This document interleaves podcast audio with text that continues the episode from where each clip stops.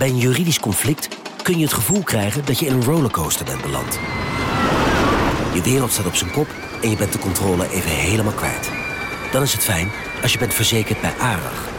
Daar werken topjuristen en advocaten die je begrijpen. Die een stap extra voor je zetten. En je het gevoel van controle teruggeven. Met kennis en informatie, met heldere uitleg en met gericht advies. ARAG, juridisch probleemoplossers. Een maatschappij waarin iedereen meedoet. Een gezonde, groene en rechtvaardige wereld. Daar willen jij en heel veel andere mensen best iets aan bijdragen. In het klein en in het groot. Dicht bij huis en ver weg. Zo hebben we vorig jaar 349 miljoen euro bij elkaar gebracht. Miljoenen waarmee onze goede doelenpartners de wereld elke dag een beetje beter kunnen maken. Nationale Postcode Loterij. Samen voor een betere wereld.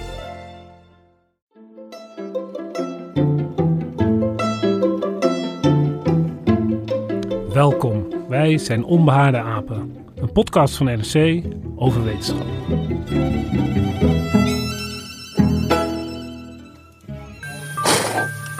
The death of the last remaining male northern white rhino on Earth has scientists scrambling to save the species from extinction. The 45 year old rhino named Sudan died Monday. I'm feeling so sad about him. I know him very well since I started working with him. He's a very gentle rhino. My feeling is that uh, his passing uh, would be something like a cruel symbol of uh, human disregard for nature. Zo was het op 19 maart 2018. Soudaan, zo heette de laatste mannelijke noordelijke witte neushoorn, de laatste overgeblevene van het mannelijke geslacht, overleed op 45-jarige leeftijd. Oud en moe, de laatste man van zijn soort. En daarmee was hij eigenlijk een soort icoonfiguur geworden. Vooral ook door de foto die toen wijd verspreid was, werd en ook al wat ouder was van een witte neushoorn. En als je wilde kon je hem oud en moe zien, bewaakt door drie zwaar bewapende mannen. Want zijn neus is goud waard, zijn neushoorn. Mag ik neushoorn zeggen, Gemma? Of moet ik zeggen horen? Horen op zijn Ja, neus. Ja, de, de horen op zijn neus. Dat is het mooiste. En daarmee heb ik Gemma al geïntroduceerd, want we gaan het vandaag hebben over de noordelijke witte neushoorn. Waarvan er, hoeveel zijn er nog van? Er zijn nu nog twee vrouwtjes over. Dit is eh, de dochter van Sudan, Najin, en de dochter van Najin, Fatu. Die leven nu nog in Kenia, in Olpejeta. En dat is het eh, reservaat waar Sudan ook zijn laatste jaren heeft doorgebracht. Dus zijn dochter en zijn kleindochter. Ja, En ook aanwezig is Sander Voormolen, Hallo. bioloog, zooloog mag ik zelf zeggen. Hoewel ook medisch redacteur, maar mensen zijn ook dieren natuurlijk. en al die kennis komt vandaag van pas. Ja, precies. We gaan het vandaag hebben over de noordelijke witte neushoorn. En de eerste vraag natuurlijk is, waarom noordelijk en waarom wit? Wat is dat voor dier, Ja. Gemma?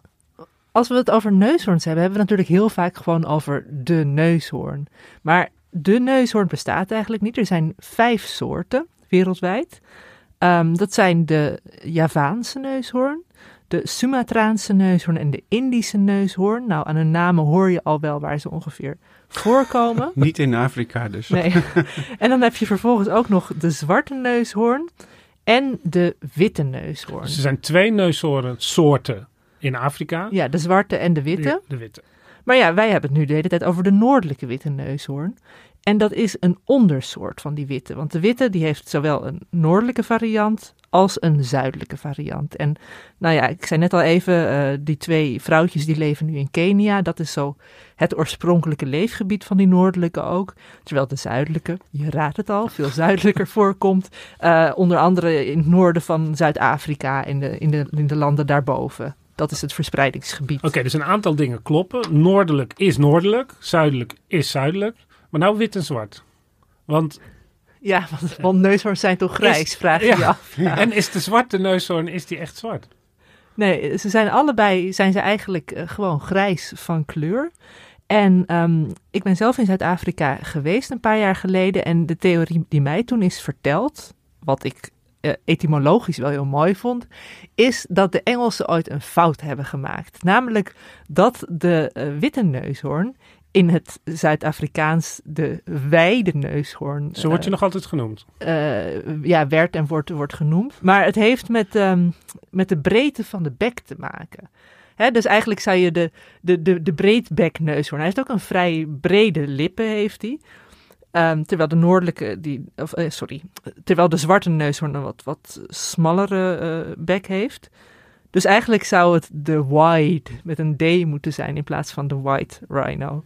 Maar zo, zo wordt het toch ook wel eh, genoemd alternatief. Eh breedlippen en puntlippen neushoorn. Ja, precies. Ja. Ja. dus dat, dat is, maar, maar die zijn toch net iets minder eh, gangbaar, die Ja. namen. Maar, Maar nou ben ik geen zooloog, en, maar bij, een een historicus. En dan gaan bij mij bij dit soort verhalen altijd de, de, de horens wijd overeind staan. ja, Want dat is altijd too good to be true. het is heb- een theorie. Ja, we zouden eigenlijk even...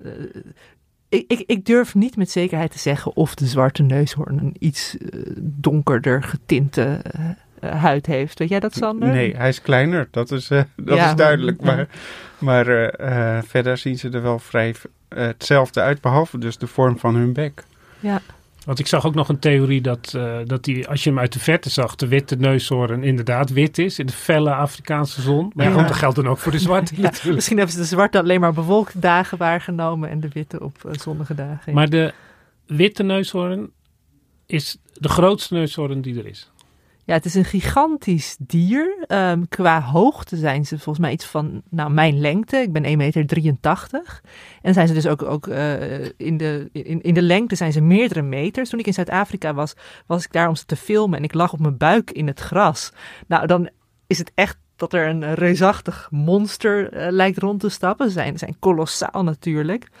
Ehm, maar dat was een zuidelijke witte neushoorn. Daar zijn er nog iets van 10.000 van over momenteel. Dus dat is echt een stuk meer dan die twee van Maar de dat is ook noordelijke. nog wel minder dan eh, voordat eh, de industrialisatie van Afrika toesloeg. En eh, vroeger waren er natuurlijk, konden ze overal naartoe. Ja, Ja, waarschijnlijk. Maar dat weten we dus eigenlijk niet. Want dat is nooit goed bijgehouden. Je kunt het alleen nog zien aan, eh, eh, aan de Genetica, genetische ja. diversiteit. Ja. ja. en dat is wel het interessante aan die zuidelijke witte neushoorn. Want die is echt door het oog van de naald gekropen qua overleving. Want we zitten nu met z'n allen te focussen op die noordelijke witte neushoorn. Maar er was ook een tijd dat er veel minder witte... eh, dat er veel minder zuidelijke witte neushoorns waren. Ja, Dan noordelijke. Ja. ja, daar waren er nog maar tien of twintig over. In Echt? Ja. En daar is dus wel weer die hele kudde uit Oh, eh, voortgekomen door fokprogramma's. En dat had dus ook met de noordelijke witte neushoorn kunnen gebeuren. Als we op tijd waren. Ja, geweest. alleen die leefde op de verkeerde plek eigenlijk. Want die is het slachtoffer geworden van eh, conflicten, oorlogsgebieden. Waardoor er heel veel stroperij was en geen toezicht op eh, parken. Want eh, in, in Zuid-Afrika heb je allemaal gereguleerde natuurparken. Maar dat, dat is in Centraal-Afrika natuurlijk niet het geval. Maar goed, dat uitsterven komt zo nog. Waarom is zo'n neushoorn zo groot eigenlijk? En wat eet hij? Wat doet hij de hele dag? Op een normale dag, hè, als hij niet eh, bejaagd wordt. Hij eet gigantisch veel. Eh, Zo'n witte neushoorn kan honderden kilo's gras per dag eten. En hij is niet kieskeurig daarbij. Hij eet zowel heel voedzaam gras als, als wat verdord gras. Dus een paar honderd kilo per dag. En hij weegt anderhalve ton of zo. Het is eh, ruim 2000 kilo. Ja. 2300. Dus eh, dat is een stevig vrachtautootje. Ja, Ja. Dat, eh, ja. Alle- alleen de olifant en de nijlpaard zijn nog zwaarder. Het nijlpaard is ook nog zwaarder. Maar die en ook, ook gevaarlijk. En die heeft dan wel geen hoorn, maar die, eh, die Ja. kan ook behoorlijk agressief worden. Maar En, maar neushoorn staat ook bekend om zijn zagrijn. Maar is dat terecht? Ja, het schijnen niet de, de meest gezellige dieren te zijn. Je, je moet ze niet boos krijgen. Maar Soudaan die schijnt heel goedmoedig en eh, menslievend te zijn geweest. En mensen mochten hem ook altijd aaien toen hij eenmaal in dat Hij reservaat... is een eh, dierentuindier Ja, natuurlijk. precies. Ja, ja, dat was een beetje Maar een, dit- eh, het het is ook een- makkelammetje. Het is ook een klassiek zoogdierpatroon. Dat de, de mannetjes in hun eentje zagrijnig tussen aanhalingstekens rondlopen. En dat één, één mannetje heeft dan een club vrouwtjes bij zich. Ja, Dus Een een soort harem. Ja. Ze wel in kuddes eh ja, de- lopen er ze zijn wel eh kudde, kudde dieren. Maar waarom is die zo groot? Nou, ja, kijk, eh, om dat, eh, al dat gras te verteren, alle soorten en maten, door en, eh, en lekker groen gras, dan heb je wel een flink darmstelsel nodig. Omdat, ja, ja, en dan, eh, dan moet je vanzelf groot worden. Maar en ze hebben ook hele imposante poephopen, hebben ze. ja, maar dat is echt... Oké, ga maar vertel maar. Ja, maar ik ze hebben speciale eigenlijk iets anders neushoorn, neushoornlatrines. Daarmee eh, bakenen ze hun territorium ook af. Hè? Want eh, nou, wat we net hebben, die mannetjes die zijn toch wel territoriaal. En door op eh, markante plekken echt zo'n hoop poep neer te zetten... Ja, dan heb je een geurvlag natuurlijk. En eh, dat is ook wel interessant voor de hele stikstof- en fosforkringloop in zo'n gebied. Dus ja, Want ze zijn zo groot vanwege de specialisatie. En ze poepen zoveel omdat ze zoveel eten natuurlijk. Ja, ik had ook begrepen dat eh, de breedlipneushoorn, die graast vooral. En de puntlip, die eh, zoekt ook wel blaadjes in de bomen uit om, Ja. om te eten. Ja, ze hebben allebei een ander, ander eetgedrag. En het leuke is dat die breedlip ehm, neushoorn... die helpt zelfs tegen het verspreiden van savannebranden. Omdat hij het gras zo kort houdt... dat het Ah. vuur niet goed over kan springen.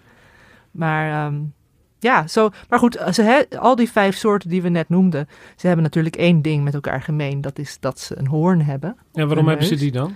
Ehm, ze kunnen hem op verschillende manieren inzetten. Het is in zekere zin een, een soort eh, ehm, eh, vruchtbaarheidssymbool. Zeg het, eh, nee, maar. Dat heet Nee. een vallen symbool. Nee, maar, nee, maar de vrouwtjes hebben hem ook natuurlijk. Ja, nee, maar, maar, maar je, kunt wel, je, je kunt wel een beoogde partner ermee imponeren.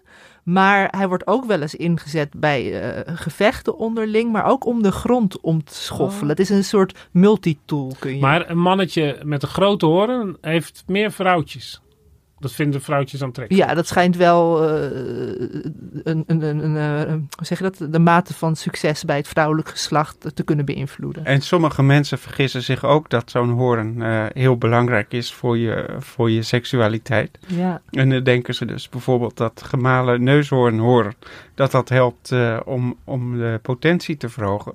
Maar ja, waar, waarom zou je niet op je nagels kauwen? Dat is hetzelfde Het, materiaal. het is hetzelfde materiaal Ja. als je nagels. Ja, Nou ja, dat is misschien een goede tip voor alle mensen die neushoornhoorn willen Dat, dat kopen. alle nagelbijters eigenlijk. eh, die hebben gelijk. Ja. ja.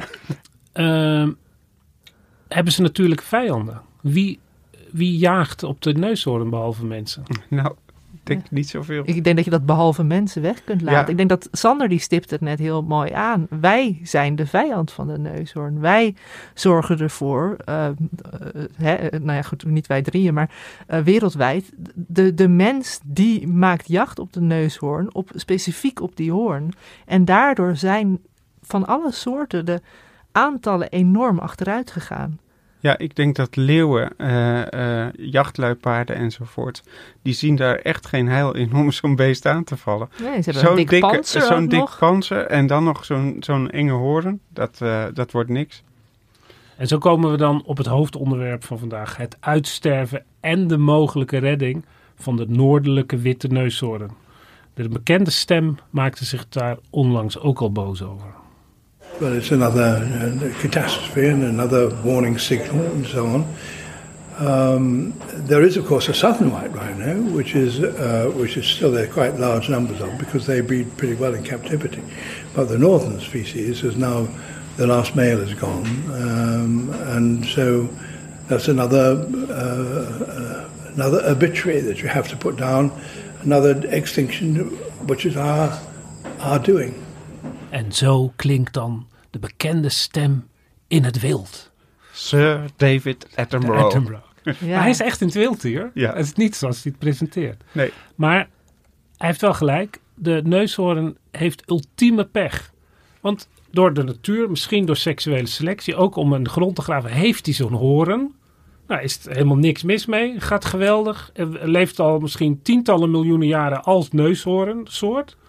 En nu ineens wordt hij bejaagd vanwege zijn hoorn. Of is er ook sprake van habitatvernietiging? Dat zijn leefgebied verdwijnt. Eh, dat denk ik, eh, maar voor een heel klein deel. Maar vooral eh, de stroperij heeft een grote tol geëist op dit dier. Ja, en eigenlijk eh, het- het leefgebied van die noordelijke witte neushoorn moet je zien als een beetje een, een op sommige plekken een wat drassige savanne, maar de- daar niet zo drassig dat hij met zijn eh, bijna eh, twee, wat was Ja, het? Niet met zijn ruim 2000 kilo dat hij daar echt de grond in zakt, maar wel ja, vooral een heel, heel grasrijke open gebied. En er zou nog best leefplek voor hem zijn, maar hij is er zelf gewoon niet meer. En dat vond ik wel. Ik weet niet, hebben jullie toevallig de film gezien onlangs The Last Mail on Earth? Dat Nee. is ehm, van een Nederlandse filmmaker, Floor van der Meulen. En zij volgde dat laatste jaar van Soudaan in Kenia, in het reservaat Ol Pejeta. En nou, je noemde het net al dat mensen echt een, een, een, een tour konden boeken om hem eh, van dichtbij te bezoeken. Om nog eventjes een laatste blik op hem te eh, werpen en nog even hun hand op zijn huid te leggen. The Endangered Species Tour takes place twice daily, once in the morning at about 8.30 in the morning and then again in the evening at about 4 o'clock p.m., restricted to six people um, per group. Uh, essentially, you go in, you'll meet Sudan, um, and you'll hear the story about how uh, the northern white rhinos moved from the zoo in Czechoslovakia and came to Alpejta, um, and the whole breeding program and why the breeding program is no longer. Um, from there, we drive into the main enclosure where the two uh, female northern white rhinos are. Tour lasts for about two hours, um, and we welcome as many questions as possible. Uh, the more that you ask, the better it is for us. Welkom in de moderne wereld van uitstervende dieren. Je kunt er altijd nog eentje bewonderen. Deze is nu dood, maar dat is vast. Je gaat nu naar die twee Nou, vrouwtjes en kijken natuurlijk. Ze hebben er ook nog een souvenirwinkel, dat zag ik ook in die film.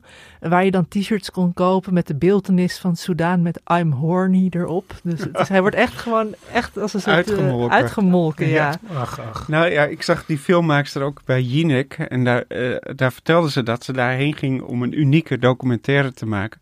En ze kwam daar aan en eh, er stonden al eh, iets van vijf eh, filmploegen klaar. Die ook allemaal een unieke film gingen maken. Ja, ja, ja. Dus volgens mij zijn er veel meer films van. eh, Elk land heeft zijn eigen Soudaan Ja. film. Ja, en hij had zelfs toen hij nog leefde een tijdje een Tinder profiel. Om, eh, ja, dat was natuurlijk gewoon ook weer een publiciteitsstunt. Zogenaamd om een potentiële partner te zoeken. Maar, Maar, dit bevestigt wel mijn idee dat je dus als neushoorn een ultieme pech hebt. Dus je staat gewoon lekker te leven op het, op het platteland van Afrika. En uiteindelijk word je zelfs een Tinder-profiel aangesmeerd. ja, ik bedoel, die neushoorns hebben er niet om gevraagd om een iconische soort te worden. Nee. Maar goed, er is misschien een oplossing. Daar gaan we het nu over hebben. Gemma, jij bent in Italië geweest om een oplossing te bespreken voor de noordelijke witte Ja, neushoorn. dat klinkt alsof ik eigenhandig die ondersoort probeer te redden. Zo nobel was het doel ook niet. Nee, maar ik ben inderdaad naar Cremona afgereisd. Een stadje ten oosten van Milaan. Bekend van zijn violen en cello's ook. Precies, jij bent goed op de hoogte. Eh, maar ik ging naar een laboratorium even buiten Cremona op bezoek bij de fertiliteitsdeskundige Cesare Galli. En hij is een voormalige dierenarts en hoogleraar in de diergenetica. En ehm, hij richt zich hoofdzakelijk op paarden en varkens, eh, op het klonen daarvan ook. Hij was in 2003 de allereerste ter wereld die een paard wist te klonen. Maar hij heeft dus ook, eh, in ieder geval volgens hemzelf, een mogelijke oplossing gevonden om dat uitsterven van de noordelijke neushoorn tegen te gaan. Hij heeft namelijk met een Duitse collega, Thomas Hildebrand, twee noordelijke witte neushoorn embryo's gecreëerd. En die liggen daar nu bij min 200 graden in een In soort... Cremona. Ja, in een melkbus vol met eh, vloeibaar stikstof liggen ze eh, hun toekomst af te Dus wachten. we hebben nu twee vrouwtjes over en twee ongeboren embryo's. Van die vrouwtjes, ja. Van die Ik, ik vrouwtjes. durf het bijna niet te vragen in deze wereld. Maar hoe komt hij daaraan? Hoe komt hij aan die embryo's? Ja, nou dat is een eh, heel kunststukje op zich. En daarom werden Galli en zijn collega Hildebrand, eh, werden ze ook wereldnieuws. Want, nou ja, Soudaan is er niet meer. eh, andere mannetjes zijn er ook niet meer. Maar al voordat Soudaan doodging, waren er natuurlijk nog andere mannetjes. En van een paar van die noordelijke mannelijke witte neushoorns hebben ze bij tijd sperma ingevroren. Maar dat is al tien jaar geleden gedaan. Ja, dus het, eh, en het is ook niet van enorm hoge kwaliteit, maar van twee mannetjes, Saoud en Sunni, was het sperma nog van zodanig goede kwaliteit dat ze dachten, hé, hey, hier zouden we in theorie wel vrouwelijke eicellen mee kunnen bevruchten. En van Soudaan hebben ze natuurlijk veel sperma. Ja. Ongeveer een cola blikje groot. ja, heb precies, ik, eh, 300 milliliter. ja. Klopt, Maar maar, dan jij- moet ik de ultieme vraag stellen over noordelijke witte neushoorns, hoeveel sperma per keer komt daar dan uit? is, dat, is dat blikje één keer? Of, uh? nou, Dit is een vraag waar ik het antwoord op schuldig moet blijven. Ze hebben uh, na, na de dood van Sudan hebben ze ook zijn ballen nog ingevroren. Dus daar zit misschien zit ook, ook, nog spermacellen in. Ja. ja. Maar je wil natuurlijk het liefst niet zijn dochter en zijn kleindochter met zijn eigen sperma. Uh, nee, dus ze hebben het andere sperma gebruikt. Ja. ja. Maar, maar hoe komt hij aan die eicellen dan? Die ja, dat is ook weer heel interessant. Dat is vooral de verdienste van die uh, Duitse uh, deskundige Thomas Hildebrand. Uit Berlijn is die. En die heeft een methode ontworpen om met een soort lans via het achterwerk van uh, de vrouwtjes naar binnen te gaan. Dus echt, echt via de anus. En dan met een hele lange lans om de eicellen te oogsten in de eileider. En dat was een hele riskante procedure. Want vlak naast die eileider zit een bloedvat. Nou, dan moet je denken zo ongeveer zo, zo dik als je eigen arm. We hebben en, het over een dier van ruim twee ton natuurlijk. Ja, maar dat is echt, nou ja, uh, Hildebrand omschreef het als, als, als, als een pijp. Uh, als je die zou raken, weet je, dat het, dan spuit het bloed eruit. En dan, uh, dan overlijdt zo'n dier gewoon door, door, doordat hij doodbloedt. Ja, want eer dat ja. je dan door die vijf centimeter dikke huid bent gesneden, is hij al dood natuurlijk. Ja, en dat is het interessante, dat ze daarom Goed, we hebben het net al even over de uh, zuidelijke witte neushoorn gehad. En um, die werden nu in feite gewoon als, als proefdieren gebruikt. Ze hebben eerst die hele methode, dus ook het uh, bevruchten met ingevroren zaad en het oogsten van eicellen, hebben ze allemaal bij die zuidelijke ondersoort geprobeerd. En toen ze eenmaal dachten van, ha, dat kunnen we, was het dit jaar in augustus zover dat ze tien eicellen hebben geoogst bij uh, dus Um, die twee do die bij dochter de, en bij de dochter en de kleindochter. En daarvan hebben ze er nu twee met dat ingevroren zaad weten te bevruchten. Oh, dus dat zijn hele recente embryo's. Ja. Maar ja. Dat, die zijn... Die zijn uh... Maar het was ook niet zonder risico om die eicellen te oogsten. Want uh, die dieren moesten daarvoor onder narcose.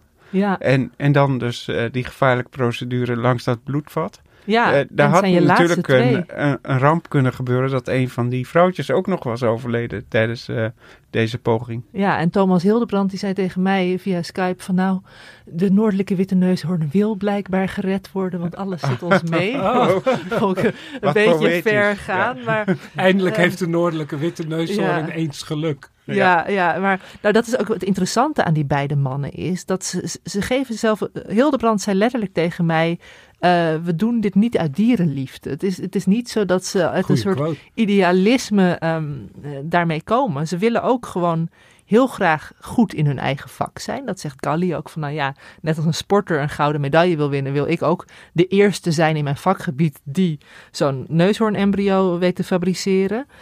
Um, dus het is eigenlijk net als dat die filmploegen allemaal op die laatste neushoorn gaan. Zijn er ook allerlei wetenschappers die ook met hun eigen motieven om, of voor wat dan ook, ook allemaal iets leuks ja. met die neushoorn gaan doen. En natuurlijk zeggen ze tegelijkertijd ook wel van ja, wij mensen hebben dit probleem veroorzaakt, dus wij mensen moeten het nu ook weer gaan oplossen.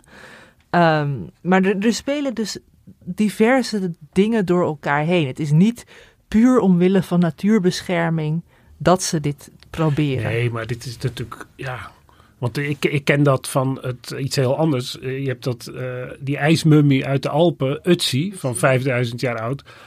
Alle wetenschappelijke technieken die er zijn, van DNA op bacteriën, van CT-scans in, in de loop der decennia, alles is meestal als eerste op, uh, op, op Utsi uit. Dus, want ja. als je, je komt veel eerder in de wetenschappelijke pers als je iets met een, de noordelijke witte neushoorn hebt gedaan dan met een, dan met een neushoornkever. Ja, ja, of een strandkrab of zo. Weet je? Ja. ja dat is, dat, nee, dat is, dat is zeker zo. Dat, uh, uh, dat zei Galli ook wel. Hij vergeleek de neushoorn nou, zelfs met een soort eenhoorn. Hè? Dat is een soort iconische soort.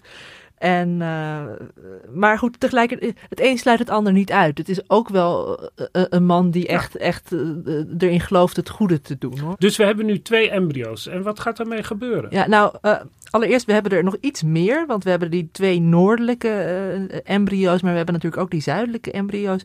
En we hebben nog hybride embryo's. Allemaal in met, Cremona. Ja, en die liggen er allemaal in van, de, van die melkvaten, of melkbussen, zo noem ik het maar met, even. Met een duidelijk stickertje erop, neem nou, ik aan. Niet, ja. Nee, ik, ik vroeg echt aan, ik, ik, had een soort, weet je, ik had een soort heiligdom verwacht. Maar ik vroeg aan hem van, ja, waar liggen die, die embryo's dan? Oh ja, daar. En hij wees op wat voor die tanks ja. bij de ingang. En daar lagen ook nog wat... Uh, eh, wat Wat genetisch materiaal. ja, waarschijnlijk wel. Ook nog wat genetisch, genetisch materiaal van de eh, varkens en de paarden bij. Maar ehm, nee, er zijn dus ook hybriden met, eh, gemaakt met de zuidelijke witte neushoorn eicellen en dan wel eh, sperma van die noordelijke witte neushoorn. En ehm, er is, want jij vroeg nu net Hendrik van wat nu, hè? Ja. Eh, ehm, want dat is nog weer een complicerende factor in dit hele verhaal. Die twee noordelijke witte neushoorn vrouwtjes, die zijn niet in staat om hun eigen eh, kind te baren. Ze hebben allebei een baarmoeder die niet goed werkt. De een die heeft een grote vleesboom, een grote vleesboom in de baarmoeder. De ander die, eh, die heeft iets waardoor het baarmoederslijmvlies Ja, ja. eh, niet goed werkt. Dus ze kunnen niet zelf eh, die embryo's dragen. En er moet dus een zuidelijke witte neushoorn draagmoeder zijn. En dan is de vraag maar weer, wordt zo'n embryo afgestoten? ja, je hebt er maar twee natuurlijk. Dus eerst was er ook nog een plan om dan vanuit die hybride embryo's een volwassen eh, neushoornvrouwtje te creëren. Ja. En daar dan het embryo eh, in terug te brengen, omdat die zo'n hybride misschien minder snel het embryo zou afstoten. Maar dat vinden de beide heren nu toch wat lang duren. Ja, want zo'n zo'n neushoorn, is- dat duurt wel tien jaar voordat die... eh, ja, je bent alleen al Dus dat- 16 maanden zwanger als neushoorn. En dan moet je nog inderdaad, eh, ja, dan zijn ze al lang gepensioneerd. Dus ehm, En hebben ze een idee van het geslacht van die twee eh, embryo's? Want stel nou dat dat eh, ook twee mannetjes zijn, of, eh, dan, dan ben je nog nergens. Of, nee, nou, ze hebben, ze hebben geen idee of ze hebben het mij niet willen zeggen. Maar, Dan eh, zullen het wel twee mannetjes zijn. ja, ja ze, hebben, ze, ze, hebben, ze hebben het. Maar dit begint langzaam een soort eh, thriller te worden.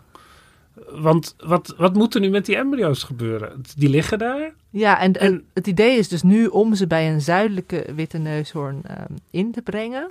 In een dierentuin neem ik aan. Ja, maar, in het wild. En dat die dan wegrent. Ja, dat zouden ze niet riskeren, denk ik. maar Nee. om te zorgen dat die niet wordt afgestoten, is er ook nog een heel eh, andere methode. Sander, misschien kan jij daar beter over vertellen met je medische achtergrond. Ja, je zou, je zou natuurlijk ook kunnen proberen om dat in een ander dier te doen. Bijvoorbeeld een paard. Een paard is eh, ja, toch wel enigszins verwant aan een neushoorn. Ja, natuurlijk. Dus- Ze zijn Ja. allemaal nee, groot. dat hebben Galli en Hildebrand beide ook echt als optie genoemd, dit Ja. hoor. Maar ja, Ja, en Nee, want het is, een paard is ook onevenhoevig, heet dat? Of even Ja. Ja, onevenhoevig. Onevenhoevig. Ze zijn best aan elkaar verwant. En een neushoornbaby is helemaal niet zo groot. En, ik bedoel, heeft die, nog geen die, hoorn. Die priemende hoorn is afwezig. Ja.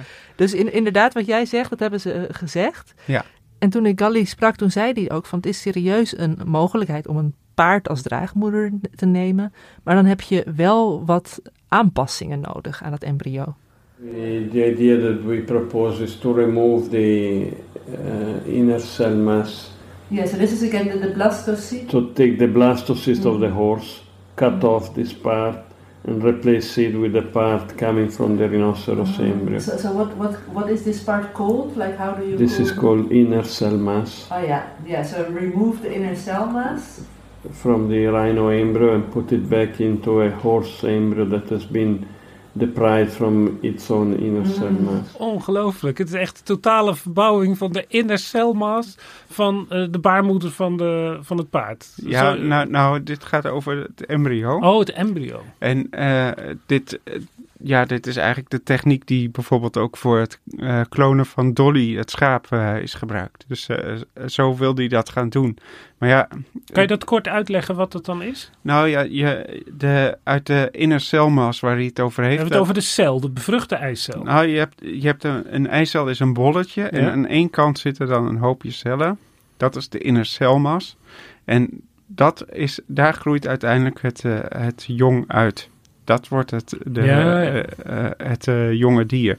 En als je dat dus vervangt door, door de, de juiste, dus haal je die van het paard weg en doe je dat. Dus je begint met een bevruchte eicel van een paard en dan de, de groeikern van die eicel, om het Ja. zo even te noemen, Ja. daar plak je dan de neushoorncellen op. ja, dat is wat hij nu zo Ja, uitlegt. God, maar machtig. uiteindelijk eh, zien ze nu vooral toch wel de voordelen van een zuidelijke witte neushoorn draagmoeder. Dat paard, dat hebben ze wel eventjes gewoon als een soort gedachte-experiment Oh, gedaan, echt- maar dat willen ze nu niet eh, per se gaan doen. Hun voorkeur gaat uit naar die zuidelijke witte neushoorn. Maar alsnog, we hebben nu natuurlijk die twee embryo's. En met twee embryo's eh, zelfs als dat tot uh, volwassen neushoorns uh, uitgroeien. En zelfs als zou je een, een, Adam en Eva neushoorn en een vrouwtje en een mannetje, of een mannetje en een vrouwtje hebben. Dan heb je niet een genetisch gevarieerd populatie. Nee, nee dat, is, dat is het grote probleem hier. Want ja, zoals we net al hadden gezegd, die zuidelijke witte neushoorn, die is dus die populatie is weer opgebouwd uit een stuk of 20, 50 dieren. En dat heb je wel nodig om een beetje diverse populatie te hebben. En dat, dat zei Galli zelf ook, hè? geloof ik, zoiets. Ja, maar dat, dat halen ze dus niet met dit experiment. Dus dat is echt het probleem. en dat is wel het interessante, want naast de, de goede oude uh, eh, IVF-techniek die we net hebben besproken, hè, met de sperma en eicel, hebben ze nog een andere methode. Die is eigenlijk vrij recent door een Japanner ontwikkeld. Waarmee ze... Helemaal los van Galli dus. Ja, maar Galli gebruikt hem nu, uh, wil hem wel gaan gebruiken. En dat is dat ze de stamcellen, want er is nog wel genetisch materiaal van elf noordelijke witte neushoorns. Dus dat is dan niet uh, sperma of eicellen, maar gewoon uh, stukjes Stukje huid. huid of zo, ja. En uit die stamcellen kunnen wetenschappers tegenwoordig geslachtscellen maken. En daarmee zouden ze dan vervolgens ook weer met IVF uh, eh, nieuwe embryo's kunnen creëren. Ja, dat is nog een beetje omslachtig. Je kunt ook uh, van stamcel direct naar uh, embryonale cel gaan. Dat is een beetje zoals je hond in Korea wordt gekloond, ja, toch? precies. Ja. En dan kun je dus snel embryo's maken. Maar ja, dat gaat ook niet heel efficiënt. En ik weet niet, uh, dan heb je nog steeds die draagmoeder nodig. Ja, nou en dat is het ook wel. Weet je, Hildebrand zegt ook van ja, vloeibaar stikstof is onze vriend, zei hij letterlijk. Uh, want uh, het geeft ons extra tijd. Ja. misschien ja. dat er een toekomstige generatie is die geavanceerdere technieken heeft. Weet je, die, die meer inzichten heeft. En tegelijkertijd zeggen Galli en Hildebrand ook allebei van ja misschien is het voor de noordelijke neushoorn zelf ook al wel te laat. From our point of view, it's more, uh, you know, the scientific challenge to work with the different species and compare with the species that we have. Also, you know, saving. I think it's also a good cause, but uh, maybe already a lost cause because there are so few. You know, they go went down before they embrace these technologies the number uh, shrank too much. If they took on this 10 years ago, probably would have done. Uh, pech van de noordelijke witte neushoorn is wel het leidmotief. Want nu zegt Galli ook, ja, hij is eigenlijk ja. te vroeg uitgestorven. Ja, maar de een zijn dood is de ander zijn brood. En dat vond ik wel interessant. Uh, Sander, jij hebt vorig jaar die Herbert Prins uit Wageningen uh, gesproken. En die zei dat het ook juist wel weer dat de noordelijke neushoorn misschien de witte neushoorn kan redden. Ja, ja precies. Want, of de, dat de noordelijke de, neushoorn de zuidelijke neushoorn kan ja, redden. Precies andersom dus. Want uh, die noordelijke neushoorn die is nog uh, genetisch heel divers. En dus met het die weinig, drie, die, die met tien... Het, met het weinige materiaal wat we hebben, kunnen we eigenlijk meer dan wat, met wat we nu met die 10.000 zuidelijke Als, als je dat, dat huidmateriaal meer Ja, zeker. Ja. Dus, want omdat die, die, die zuidelijke witte neushoorn. Die komt voort uit een populatie van een tiental ja, precies. Uh, dieren. En wat we nu nog hebben, is eigenlijk de resten van meer dieren. Ja, genetisch gezien dan. En van ja. de noordelijke witte ja, neushoorn, ja, laat ik het goed precies. zeggen. Dus wat, uh, wat Herbert Prins ook zei, van waarom gebruik je niet die noordelijke uh, diversiteit, genetische diversiteit, om de zuidelijke wat uh, op te krikken. Ja, maar dat maar. is vloeken in de biologische kerk, want dan creëer je gewoon een hybride. Dan heb je de ja. zuidelijke witte neushoorn gered, om hem vervolgens bij te mengen. Maar we hebben het hier over ondersoort, hè? Dus het is ja. niet eens uh, een andere soort of zo. En dat dus... vond ik wel ook het interessante aan Hildebrand. Hildebrand is natuurlijk, uh, ja, die heeft wel verstand van reproductie, maar toch minder van ecosystemen. En hij zei wel van, oh ja, maar je kunt niet zomaar de wittelijke, uh, of de... ik, ik de wittelijke. Noordneushoorn. je kunt niet zomaar de zuidelijke witte neushoorn in het ecosysteem van de noordelijke neerzetten, want daar is het drassiger enzovoort. Maar ik sprak met Joris Kromzicht, um, en dat is een ecoloog die onder andere ook aan de Universiteit Utrecht verbonden is. En die zei van ja, dat is onzin, weet je. Morfologisch vertonen de beide soorten wel kleine verschillen, maar niet zodanig dat je de zuidelijke niet in het leefgebied van de noordelijke zou kunnen zetten. Maar wat, wat moeten we nu doen? Moeten we de noordelijke witte neushoorn in zijn ondersoortelijke zuiverheid redden? Of moeten we de boel gaan mengen, nu we dat kunnen, kennelijk, volgens Sander? Wat, wat, wat, wat willen we eigenlijk met Ja. die neushoorn? Nou, ik heb eigenlijk ik heb, ik heb best wel veel eh, natuurbeschermers en ecologen en zo over dit onderwerp gesproken. En ze zijn er allemaal wel mee eens van ja, nu we de techniek hebben eh, en beheersen, is het ook zonde om hem te laten liggen. Maar tegelijkertijd is er En een- de techniek bedoel je? om die embryo's te, te, Tot te, te maken. Ja. Maar tegelijkertijd zeggen ze ook van ja, we moeten vooral zorgen.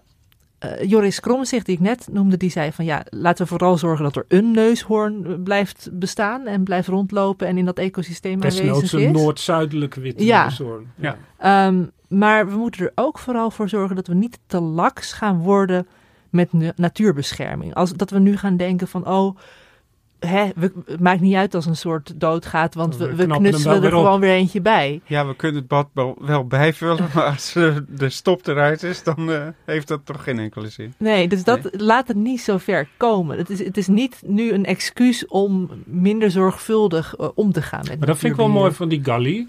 Dat kan je dan, de, de eerlijkheid, maar het is ook zuiverheid. Dat hij zegt, ja, dat, dat proberen we ook eigenlijk niet. Het is gewoon een leuk wetenschappelijk avontuurtje wat we met die ne- neushoorn beleven. En hij praat niet over eh, eh, bescherming of zo. Nee, hij, hij zegt wel van het, eh, net als Hildebrand zegt hij van ja, het is, het is de menselijke fout. En als wij er iets aan kunnen bijdragen om dat ongedaan te maken, dan is dat mooi meegenomen. Maar hij pretendeert niet dat dit de oplossing is. En hij zegt ook vooral van eh, ga hierdoor niet lekker achteroverleunen en denken dat dit de nieuwe oplossing voor alles is. Nee, Eh, ja, in het verleden hebben ze ook geprobeerd om de kwakka terug te kweken. Kwakka, dat Ja. is een, Een, een soort zebra, toch? zebra-paard, toch? Ja, precies, ja. Is En dat, dat, de, van achter een zebra en van voor een ezel, toch? nou ja, eh, half gestreept, zeg maar. Ja. En dat, dat is een mooi dier, maar eh, eh, helaas uitgestorven. En eh, daar hebben ze in de jaren tachtig eh, het DNA van, van een, een opgezet dier hebben ze kunnen bestuderen. En dus ze weten hoe het dier geweest moet zijn. En nou proberen ze uit normale zebra's weer zo'n kwakka terug te kweken. Oh, ja. Je krijgt dan wel iets wat erop lijkt, maar ja, dat is alleen het uiterlijk volgens Ja. mij. En eh, vergeet de mammoeten niet, die ze nu natuurlijk ook weer, hè, dat Ja, hoor je ook door de hele tijd. ja. En daar zeggen alle natuurbeschermers wel van, van, als je dan toch een soort, soort wil terugbrengen, doe dan liever de recent uitgestorven noordelijke witte neushoorn dan de mammoet. Want de mammoet, die heeft hier echt niks meer te zoeken. Nee, want de Eh, steppers, die, Nee, zijn die, die heeft zijn leefgebied helemaal niet meer. En dan heb je een soort, soort circusdier of een soort Dat zou pas dierentuin-object. ultieme pech zijn om de mammoet in een tijd van opwarming ja, nog tot leven te gewoon een soort eh, gruwelijke, ja. Nee, dat Maar, maar even wat ik hier van jou begrijp, Gemma, is dat de neushoorn wel heel belangrijk is voor het ecosysteem. Ja, zeker. Ja, En, dat, dat als er geen neushoorn meer is in Afrika, dat we dan eh, dus een heel ander landschap gaan ja, krijgen. en dat is, eh, het is een sleutelsoort. En Maar wat doet hij dan? Nou, gras eh, eten? ja, dus zorgen dat, de- dat de savanne, hij zorgt voor het hele uiterlijk van de savanne. In dat korte gras lopen, wonen ook weer bepaalde soorten insecten, eh, die weer door bepaalde vogels worden opgegeten. Eigenlijk als de neushoorn wegvalt, vallen daarmee, dan heb je zo'n heel cascade-effect. Maar het is niet zo dat de zebra's dat dan opeten of zo. Nee, want eh, nou, die hebben ten eerste ook gewoon een ander soort poepgedrag, waar we het net over hadden. En dus die zorgen voor een andere verspreiding van nutriënten.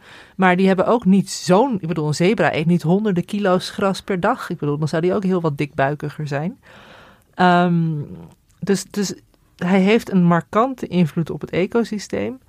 En als die wegvalt, dan is dat, dan is dat zonde. En om dat te voorkomen, weet je, zelfs al zou het je lukken om weer 50 noordelijke witte neushoorns te maken, is het het allerbelangrijkst dat de oorzaak van het verdwijnen wordt aangepakt. Dus dat er iets aan die stroperij wordt Ja. gedaan. Nou, Sander heeft er al een oplossing voor gegeven. Eet je eigen nagels op. Ja, precies. Ja. Ja, de take-home message is natuurlijk vrij treurig. We hebben het over wetenschappelijke pogingen om een uit, uitstervend dier, as we see it, er zijn er nu nog twee, en twee embryo's, eh, zien we uitsterven. Maar hoe vaak komt dat eigenlijk voor nog?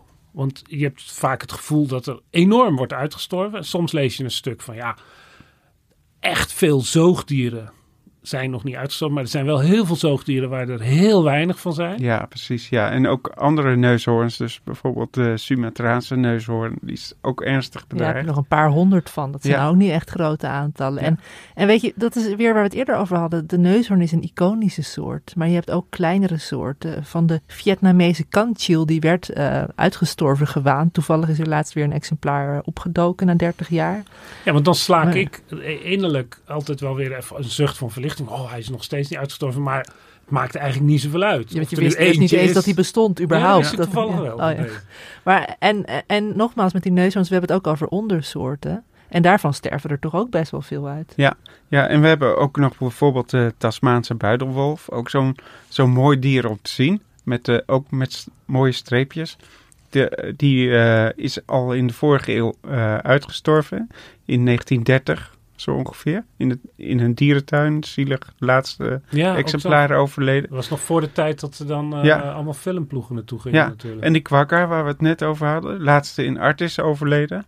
Hier in Nederland dus. In En- 1883. Oh, zo lang geleden toch al. Ja, ja dus eh, dat. En ja, wat nu wel mogelijk is, is dus met DNA toch weer eh, te proberen om zo'n soort weer terug te krijgen. En, en Lonesome George wil ik ook nog even noemen. oh ja, ja. De- dat is, Dat was ook een ondersoort, toch? Eh, Dat, wa- ja, maar dat was een, een, een schildpad die eh, enkele jaren geleden het loodje heeft. was het nou een Seychelles reuzenschildpad? nee, een Galapagos. Oh ja, een- eh, Oh ja, de Galapagos reuzenschildpad. Ja, die was ook al heel lang. De enige in zijn soort. Ja. Die kunnen dan weer heel oud worden. Ja, ja, hij, is maar al- ja, wel hij is 102 eenzame- geworden. ja, maar Ja, zonder sterf je heel vrouwtje. langzaam ja. uit. Ja. Ja. Ja, dus ik heb eigenlijk gewoon een, een oplossing. Ik denk dat we voor alle bedreigde soorten misschien zo'n soort dierentinder moeten opzetten. En niet alleen maar voor de neushoorn, maar dat mensen gewoon eh, ja, kunnen gaan swipen om dieren aan elkaar te koppelen. Nou ja, ik weet, dit moet plan worden. Dat wordt een volgende aflevering. Onbehaarde apen over plannen om diersoorten te beschermen en het uitsterven te voorkomen. Dat is niet makkelijk. Bedankt Gemma, bedankt Sander, bedankt Misha Melita voor de productie. Bedankt Hendrik. Bedankt Udok Quartet voor het spelen van de tune. Bedankt Ravel voor het componeren van de tune. Bedankt aan onze lieve luisteraars. En we hopen dat jullie nog lang niet zullen uitsterven. En nog heel veel toekomstige podcasts van ons gaan luisteren.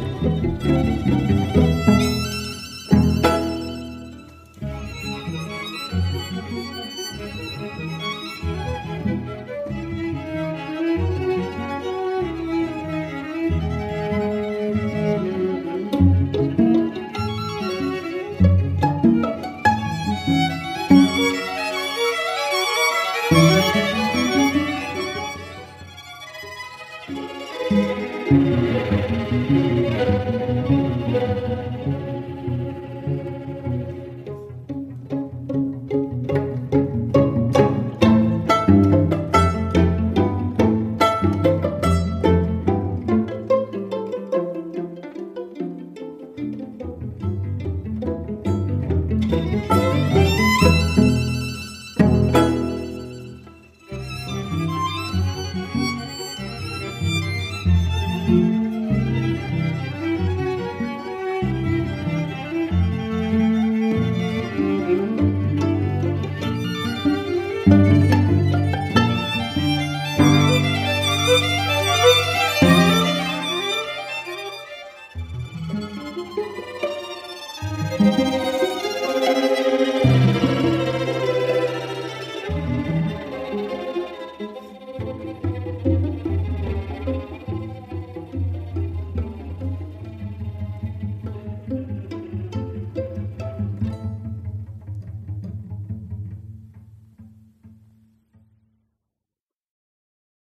financiële markten zijn veranderd, maar de toekomst, die staat vast. We zijn in transitie naar een klimaatneutrale economie. Dit biedt een van de grootste investeringskansen van onze generatie. Een kans voor u om mee te groeien met de pioniers van morgen. Meer weten? Ga naar carbonequity.com. Carbon Equity. Do good by investing better.